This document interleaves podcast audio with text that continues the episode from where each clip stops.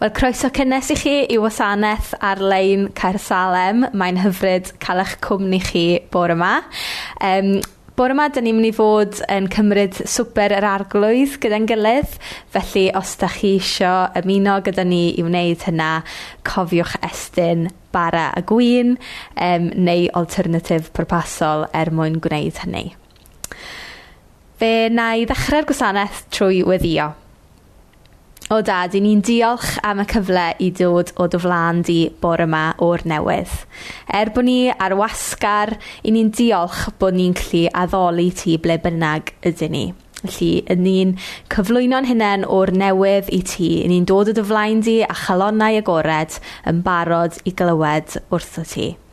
Neu di fendithio ni bore 'ma arglwydd, yn enw Iesu Grist. Amen.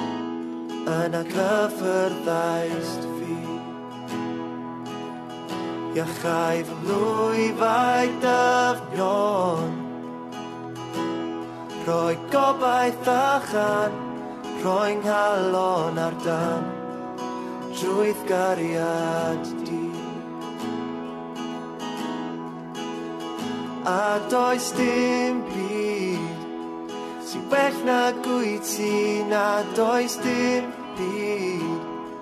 Sy'n well na gwyt ti ar blwydd dim byd. Dim byd sy'n well na gwyt ti.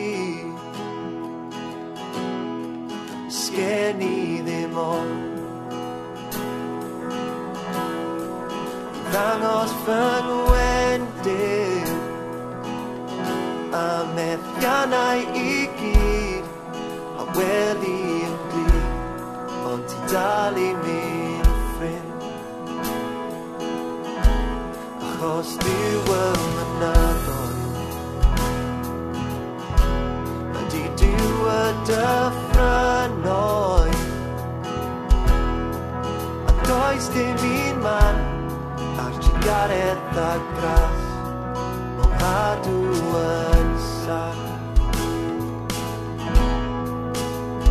A does dim byd sy'n well na gwyt na does dim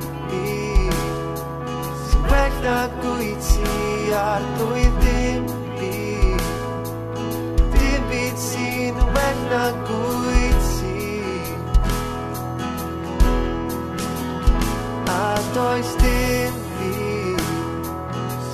na gwyt ti na does dim byd. Sy'n well na gwyt ti ar blwydd dim byd. Dim byd sy'n well na gwyt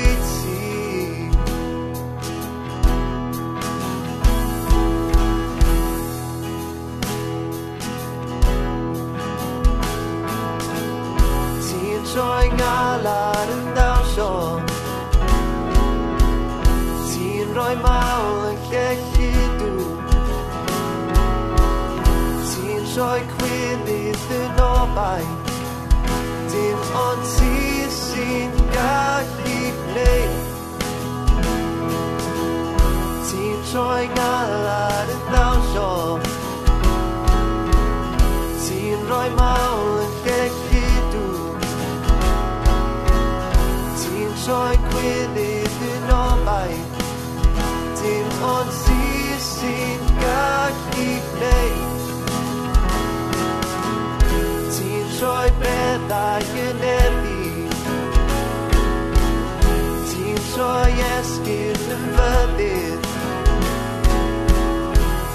sioe mor oedd yn brifyr Dim ond ti sy'n gallu gwneud.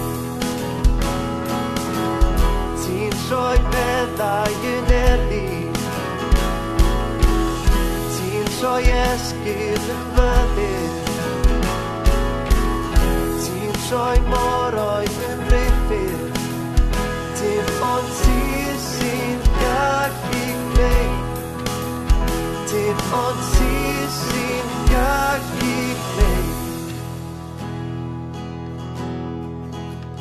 A does dim byd Sy'n well na gwyt ti Na does dim byd Sy'n well na gwyt ti Ar blwydd dim byd Dim byd sy'n well na gwyt ti a does dim byd sy'n well nag wyt ti na does dim byd sy'n well nag wyt ti ar blwydd dim byd. Dim byd sy'n well nag wyt ti.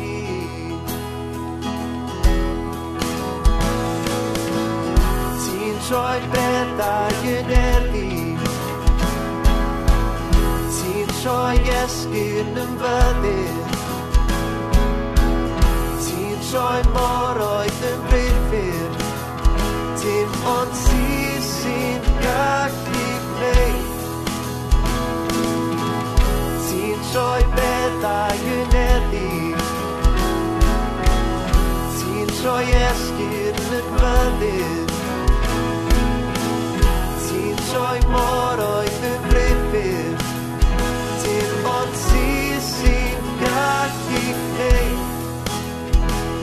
ond ti sy'n gallu gwneud Dim ond ti sy'n gallu gwneud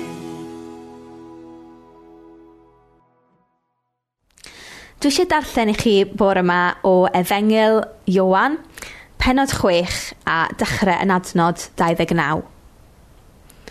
Atebodd Iesu, Dyma beth mae Dyw am i chi i wneud. Credu yno fi, yr un mae wedi anfon. Felly dyma nhw'n gofyn iddo. Felly gwna wyrth fydd yn arwydd clir i ni o pwy wyt ti. Byddwn ni'n credu yno ti wedyn. Beth wneud i? Cafodd ein hynafiaid y mana i'w fwyta yn yr anialwch. Mae'n dweud yn yr ysgrifau sanctaidd, rhoddodd fara o'r nefoedd iddyn nhw i'w fwyta. Atebodd Iesu, credwch i fi, Wnaeth Moses ddim rhoi bara o'r nefoedd i chi, ond mae fy nhad yn rhoi bara o'r nefoedd i chi nawr, y bara go iawn. Bara dew ydy'r un sy'n dod i lawr o'r nefoedd ac yn rhoi bywyd i'r byd. Syr, medden nhw, rho'r bara hwnnw i ni o hyn ymlaen. Yna dyma Iesu'n datgan. Fi ydy'r bara sy'n rhoi bywyd.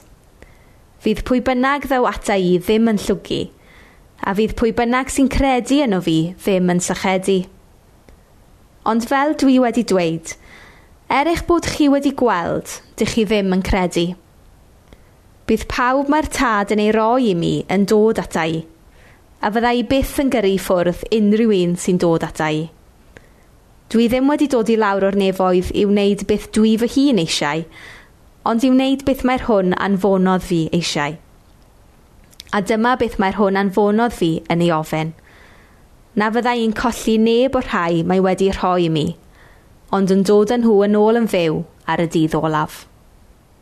Fe fyddwn ni'n neud y casgliad nawr, a dim ond i'ch atgoffa chi eto y byddwn ni yn cymryd swper yr arglwydd gyda'n gilydd nes ymlaen yn y gwasanaeth. Felly eh, mae amser gyda chi estyn bara a gwyn os ydych chi eisiau eh, ymuno gyda ni i wneud hynna. Un peth nad ydyn ni'n gallu gwneud yn ystod y lockdown yw gwneud casgliad.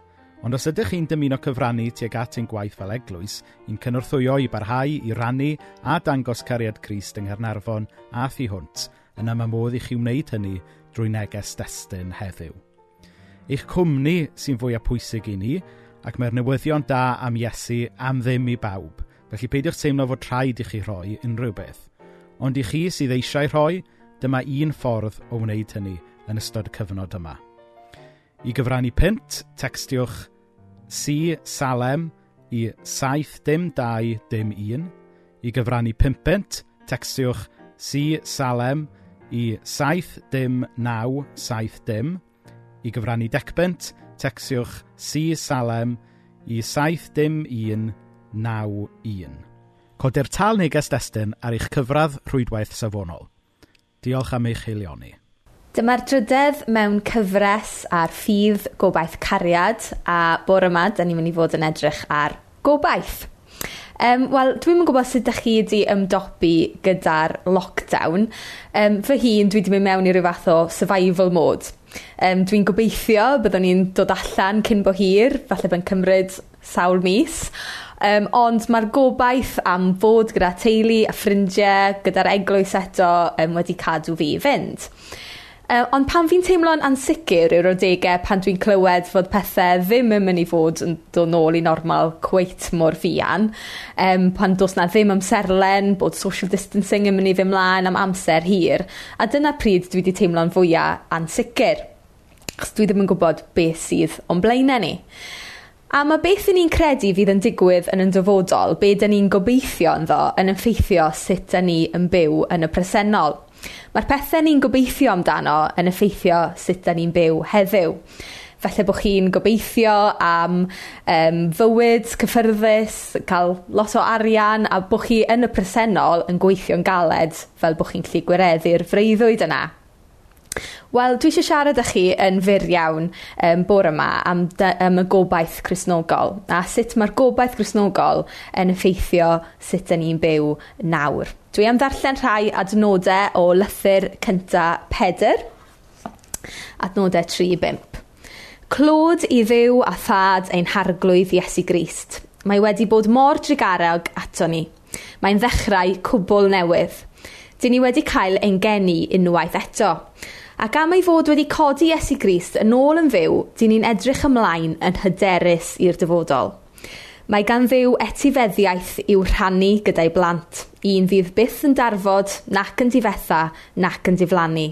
Mae'n ei chadw ar eich cyfer chi yn y nefoedd. Bydd y diw nerthol yn eich amddiffyn chi nes byddwch chi'n cael eich achub yn derfynol am eich bod yn credu ynddo. Felly, at bwy oedd Pedr yn sgwennu'r geiriau yma? Oedd yn sgwennu at um, grisnogion oedd yn byw ar draws ardal eang iawn, iawn. Um, pobl oedd wedi cael ei gwahanu a yn aml iawn mae'n siŵr o'n nhw'n grisnogion oedd yn byw mewn cyd-destun falle o'n nhw'n bell wrth grisnogion eraill um, a falle bod nhw'n cael ei erlyd achos beth oedden nhw'n i credu. Ond mae Pedr yn dweud wrth y Cresnogion yma, gallwch chi edrych ymlaen yn hyderus i'r dyfodol. Pam? Wel, achos fod Duw wedi codi Iesu Grist yn ôl yn fyw. Roedd Iesu wedi cael ei groesoelio, oedd wedi marw, ac wedyn wedi atgyfodi a dod nôl yn fyw. Ond beth sydd gan hyn i wneud gyda ni? Wel mae Dyw yn dweud mae y bywyd newydd yma trwy Iesu Grist yw'r etifeddiaeth mae e'n rhannu um, gyda ni. Dyma'r cynllun sydd gyda fe ar ein cyfer ni. A achos bod Iesu wedi dod nôl yn fyw, mae hynna 'di newid popeth i ni. Mae'n cynnig bywyd newydd, mae'n gwahodd ni gyd i roi ein gobaith yn Iesu Grist. A dyw'r cynnig yma, y gwahoddiad hael yma, um, dyw e ddim jyst i rai bobl, Does 'na ddim eithriadau. Mae cariad Duw yn rhy fawr i gael exceptions. Does dim byd yn gallu'n gwahanu ni oddi wrth gariad dew. Mae 'na wahoddiad i bawb i gredu ynddo fe. Felly oedd Peder uh, yn un o'r bobl cyntaf oedd wedi gweld Iesu ar ôl iddo fe atgyfodi. Felly fan hyn mae e'n gwybod be mae o'n siarad amdano. Oedd e'n nabod Iesu. Nath Iesu hyd yn oed wneud pryd o fwyd i Peder ar ôl iddo fe atgyfodi. Um, felly mae Pedr yn gwybod bod atgyfodiad Iesu Grist wedi newid hanes y byd. Mae wedi newid popeth. Mae'n rhoi bywyd newydd i bawb sy'n credu, nawr ac i'r dyfodol. Bywyd sy'n cario ymlaen tu hwnt i farwolaeth. Ie, bywyd newydd tu hwnt i farwolaeth hyd yn oed. Ond be mae hynna'n um, actually'n golygu? Um, wel dychmygwch uh, tad a merch fach mewn car. Maen nhw'n gyrru ar hyd um, lôn brysur. A maen nhw wynynen yn y car. A mae'r ferch fach yn sgrechian achos mae'n gwybod gallai'r wynynen yma i ffigo hi. Um, a mae'r tad ddim yn gwybod beth i wneud, mae'n rhithro, um, yn goffo gyrru'n gyflym, um, mae'r wynynen yma um, o gwmpas y car ac falle mynd i bigo y ferch fach. Um, a be mae e'n wneud yw gafel yn y wynynen. A mae'r wynynen yn pigo'r tad. Um, ond yna mae e'n gadael y wenynau i fynd. A mae'r wenynau yn dechrau hedfan o gwmpas eto. Um, ond mae'r ferch fach, mae hi'n eto yn dechrau sgrechian a dechrau meddwl, "O, ma'r wenynau 'ma yn mynd i ymhigo i." Ond mae'r tad yn troi ati a gweud, "Na, na, dyw'r gwenynau ddim yn mynd i dybigo di. Mae wedi ymhigo i. Fe fydd hi'n marw yn y man." A dyna beth mae'r neges am atgyfodiad Iesu yn rhoi i ni um, er bod marwolaeth dal i ddigwydd, mae Iesu wedi curo marwolaeth. Mae e wedi cymryd sting marwolaeth drosto ni. Um, felly, er bod um, marwolaeth dal o'n cwmpas ni, mae'r i bobl sy'n credu yn Iesu, um, does na ddim bygythiad yn hynna rhagor. Mae yna fywyd newydd sy'n i nawr ac tu hwnt i farwolaeth. Chi'n gweld fe ddechreuodd marwolaeth Iesu a'i atgyfodiadau cyfnod newydd yn hanes y byd. A mae'r grym gododd Iesu o'r bedd yn rym sy'n rhoi bywyd newydd i ni. Yn y newid ni, yn newid eglwysu a hyd yn oed y newid yn cymdeithas ni. Mae atgyfodiad Iesu, y bywyd newydd, um, yn addewid bod Dyw yn y busnes o wneud y byd cyfan yn newydd. Uh, yn fyd na dyw pechod yn gallu i lygru rhagor. A does dim byd y tu hwnt i gynllun Duw i achub ag adfer y byd yma. Felly, mae ganddo ni obaith byw yym y gallwn ni roi yn ffydd ynddo. Nid rhyw athroniaeth yw hwn, nid rhyw chwedle, ond Duw yn ymyrrid yn hanes ym mherson Iesu Grist Um, yn ymyrrid mewn byd oedd yn disgyn yn ddarnau. Ond y gwirionedd yw ni'n byw mewn byd sy'n dal i ddisgyn yn ddarnau. Ni'n gweld anobeth o'n cwmpas bob man. a ni'n gweld pobl heb fwyd, ni'n gweld trais, ni'n gweld um, yr amgylchedd yn mynd o ddrwg i waith, ni'n gweld y pogyni erchill 'ma mewn cymdeithas ni'n gweld anghyfiawnder, um, ni'n gweld hiliaeth.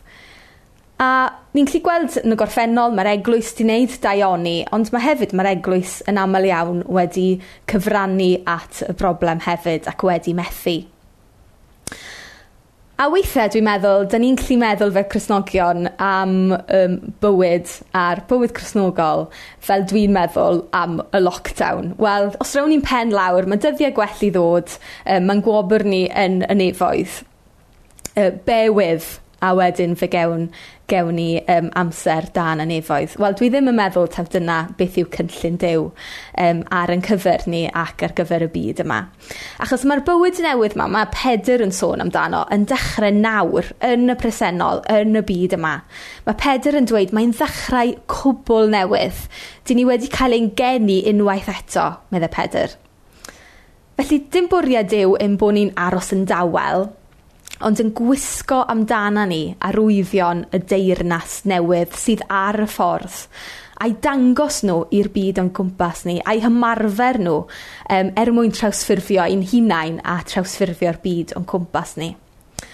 Y gwirionedd yw bod Iesu yn frenin sy'n teirnasu nawr. Um, a da ni'n byw dan ei darnasiad e. Ond mae Iesu hefyd yn frenin sy'n cerdded gyda ni trwy yn poeni a trwy poenau'r byd. A oherwydd yn gobeith ni yn Iesu, dan ni'n gallu cael heddwch mewn sefyllfaoedd ofnadwy o anodd. Oherwydd gobaith Iesu, mae maddeiant yn gallu torri trwy'r casineb hyllaf. A oherwydd gobeith yn Iesu, i ni'n gwybod fod cyfiawnder yn ennill y dydd yn y pen draw, a bod yn hymdrechio ni yn jyst yn gysgod o hynny. Ond dyn ni ddim yn gallu gwneud hyn um, ar ein pen yn hunain. Um, dyn ni'n gallu dod â gobaith diw i'r byd, ond mae'n waith anodd iawn iawn os dyn ni'n gwneud o ar ein pen yn hunain, a fyddwn ni'n methu. A mae lot o pobl uh, yn yr amser yma yn ystod y lockdown wedi trio torri gwallt eu hunain Um, felly bod chi wedi trio torri gwallt eich hun neu wedi gwneud aelod o'r teulu. nes i dorri gwallt rhys a oedd rhywbeth eitha therapeutic amdano fe dweud y gwir Um, ond mae rhai pobl wedi cael tipyn o disasters. Mae hyd yn oed y bobl sydd wedi gwneud job dda ohoni um, dyn ni nawr yn gwerthfarogi help proffesiynol. A yn y nerth yn hunain, yn wrth ddibynnu ar yn gallu yn hunain, fyddwn ni'n methu. Ond, os da ni'n dibynnu ar nerth diw, um, da ni'n gallu gwneud pethau rhyfeddol yn ei enw fe ac yn ei nerth e. Lly gaich anwch chi um, yr wythnos yma i wneud rhywbeth ymarferol um, neu i siarad gair o fendith dros rhywun a'i annog nhw um, trwy fod, trwy rannu gobaith y newyddion da am Iesu. Ydyn ni'n gallu rhannu gobaith gyda ffrind um, sydd falle'n teimlo'n anobeithiol? Ydyn ni'n gallu gwneud rhywbeth i fyndithio rhywun um, sydd ddim yn gweld lot o arwyddion gobaith yn y byd yma da ni'n byw ynddo? Dyn ni'n gallu edrych ar Iesu, um, a nath ei fyw a chyflawni gobaith teirnas dew, mewn byd hollol mesu, mewn byd tywyll. Dath e a gobaith trygwyddol dath e urddas a chariad i bawb oedd e'n cwrdd ag e. O'r casglwr trethi i'r piteiniaid, i'r lladron, yy, y bobl oedd am i ladd e hyd yn oed a'r bobl oedd yn ei garu fe. A mae'r gwahoddiad yna bore yma um, wrth i ni fynd i gymryd y cymen gyda'n gilydd, i ni rannu yn y gobaith yma um, heddi a rhannu y gobaith yma gyda'n gilydd. Amen.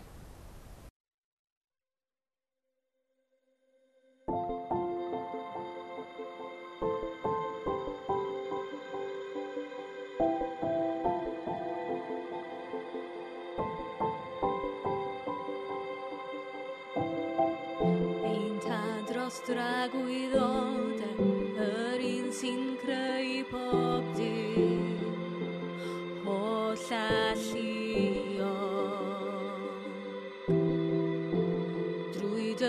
Sprit sanctite, can. Yes, in guaredum.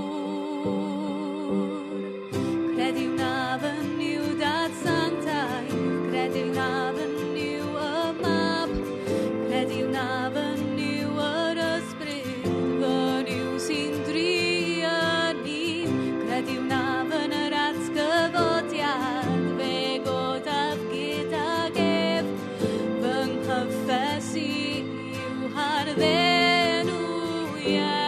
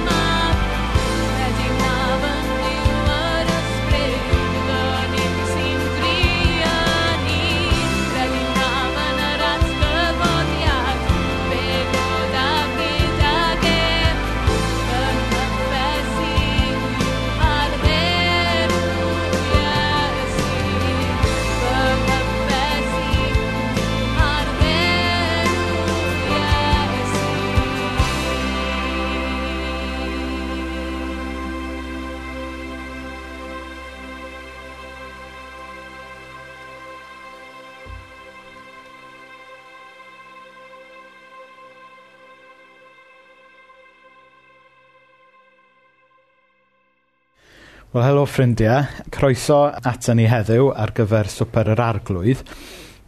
Mae'r lockdown wedi'n taflu ni gyd mewn i amgylchiadau reit wahanol i'r arfer. A mae wedi'n gorfodi ni fel eglwys i, i feddwl yn greadigol ynglyn â sut da ni'n neud pethau. Mae yna lot o bobl wedi bod yn stryglo i weithio adre gyda plant o'i cwmpas nhw. Ond rhywsyd mae rhywbeth real iawn am ffeindio Iesu yn yn bywyd cyffredin Blair bob dydd. A nynlle mae hwnna'n dod yn fwy amlwg na pan da ni yn dathlu swper yr arglwydd. Er bod swper yr arglwydd yn rhywbeth arbennig iawn, neilldiol iawn, bron bod hynna wedyn yn, yn cadw fe i ffwrdd o reality bywyd bob dydd. Na ni, dos di a tyd nôl mewn munud cariad. Ond mae yna rhywbeth hyfryd hefyd am ddod ar neilltuol ar arbennig mewn i ganol blerwch yn bywyd bob dydd. Felly heddiw i ni yn, fel teulu yn dathlu swper yr arglwydd yma amser cynio. Mae'n siŵr fydd y, fydd y plant yn neud rhywfaint o sŵn a llanast o'n cwmpas ni. Ond eto, mae hwnna mewn ffordd yn atgoffa ni ynglyn â rhan o'r newyddion da Cresnogol, sef fod fod Dyw yn dewis cam i mewn i flerwch yn bywyd bob dydd ni. Er fod Dyw yn sanctaidd ac yn arbennig, oherwydd bod e'n caru ni, mae e'n dewis cam i mewn um, i i'n bywydau bob dydd ni, sy'n aml yn doredig, sydd aml yn flir. Felly, gobeithio, newch chi gael bendydd o ddathlu swper yr arglwydd gyda ni heddiw a gobeithio newch chi faddau ni am bod e'n fwy bler na'r arfer ond gobeithio wneith y, wneith y ffordd newydd wahanol yma o ddathlu sbararglwydd ddal um, yng ngwir ystyr y sacrament sef atgoffa ni ynglyn â be mae Iesu wedi gwneud a cyflawni drosta ni. Mae'r swper yr arglwydd cyntaf yn digwydd ar y noson cyn Iesu farw ar y groes. Ac ni'n cael hanes y bararglwydd yn efengil Marc, a ni'n mynd i ddarllen yr hanes gyda'n gilydd o Bible.net mewn lliw fan hyn. So ti'n gweld yr Iesu a'r disgyblion fan hyn, gadog. Yeah. Tra roedd nhw'n bwyta, dyma Iesu'n cymryd torth. Ac yna, ar ôl adrodd y weddi o ddiolch a'i thori a'i rhannu i'w ddisgyblion – dywedodd, cymerwch y bara hwn, meddai, dyma fy nghorff. Yna cododd y cwpan, yna cododd y cwpan, adrodd y weddi o ddiolch eto, a'i basio iddyn nhw, a dyma nhw i gyd yn yfed ohono. Dyma fy ngwaed i, meddai, sy'n selio ymrwymiad dew i'w bobl. Mae'n cael ei dywallt ar ein llawer o bobl. Credwch i fi, fyddai ddim yn yfed gwyn eto, nes daw'r diwrnod hwnnw pan fyddai'n yfed o'r newydd pan fydd Duw yn teirnasu. Nawr, Cadog, wyt ti yn gwybod be mae hwn yn arwydd ohono, y bara? Y dad? Ie. Yeah. So, cwstyn bala. Oce. Okay. Ac dwi'n di talu fo. Oce, okay. na ti. Oce. Okay. A ti'n gwybod be mae Iesu'n dweud yn yr hanes? Bod, yeah. bod, bod uh, y bara yn atgoffa ni y corff Iesu pan oedd Iesu marw ar y groes, ie? Yeah? Mm. A wedyn, dydyn ni'n cael y gwyn. A ti'n gwybod be mae'r gwyn yn atgoffa ni ohono fe? Gwaed. Gwaed, ie. Yeah.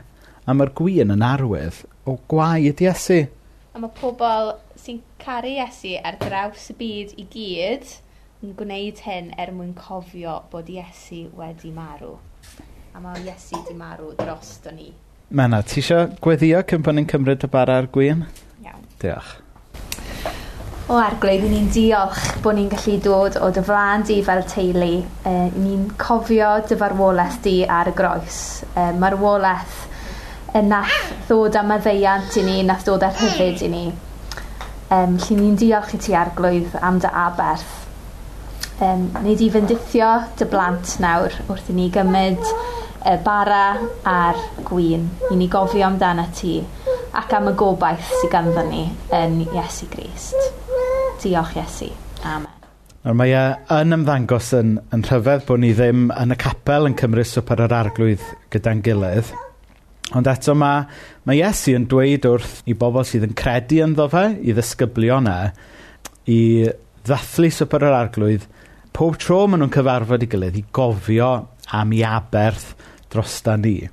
Ac wrth gwrs, yn y foment yma, da ni'n ffeindio yn hunain ynddi, mae'n cyfarfod ni'n digwydd fel hyn. Uh, dros y we, uh, dros Zoom, ar Facebook ac yn y blaen. Ac felly, uh, da ni ddim yn trio bod yn amharchus, ond yn hytrach, da ni'n trio bod yn ffyddlon. Bod ni'n parhau i gofio am aberth yr arglwydd drosta ni. Felly, os ydych chi yn credu yn Iesu Grist uh, fel eich arglwydd a'ch gwaredwr, a bod chi yn gweld eich pechodau, yn gweld eich beiau, ac yn sylwi mai gwaith Iesu ar y groes sydd yn neud chi'n iawn efo Dyw, yna mae croeso i chi ymuno mewn yng nghanol y blerwch yma um, bore yma a cymryd swper yr arglwydd gyda ni. Felly, ni'n cymryd y bara fel arwydd o gorff yr arglwydd Iesu.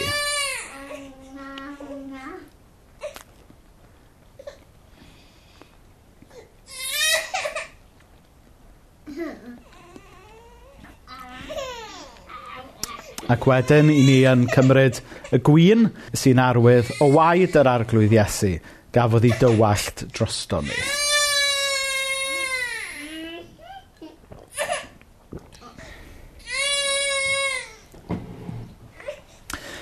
Felly, dyna ni gyfeillion.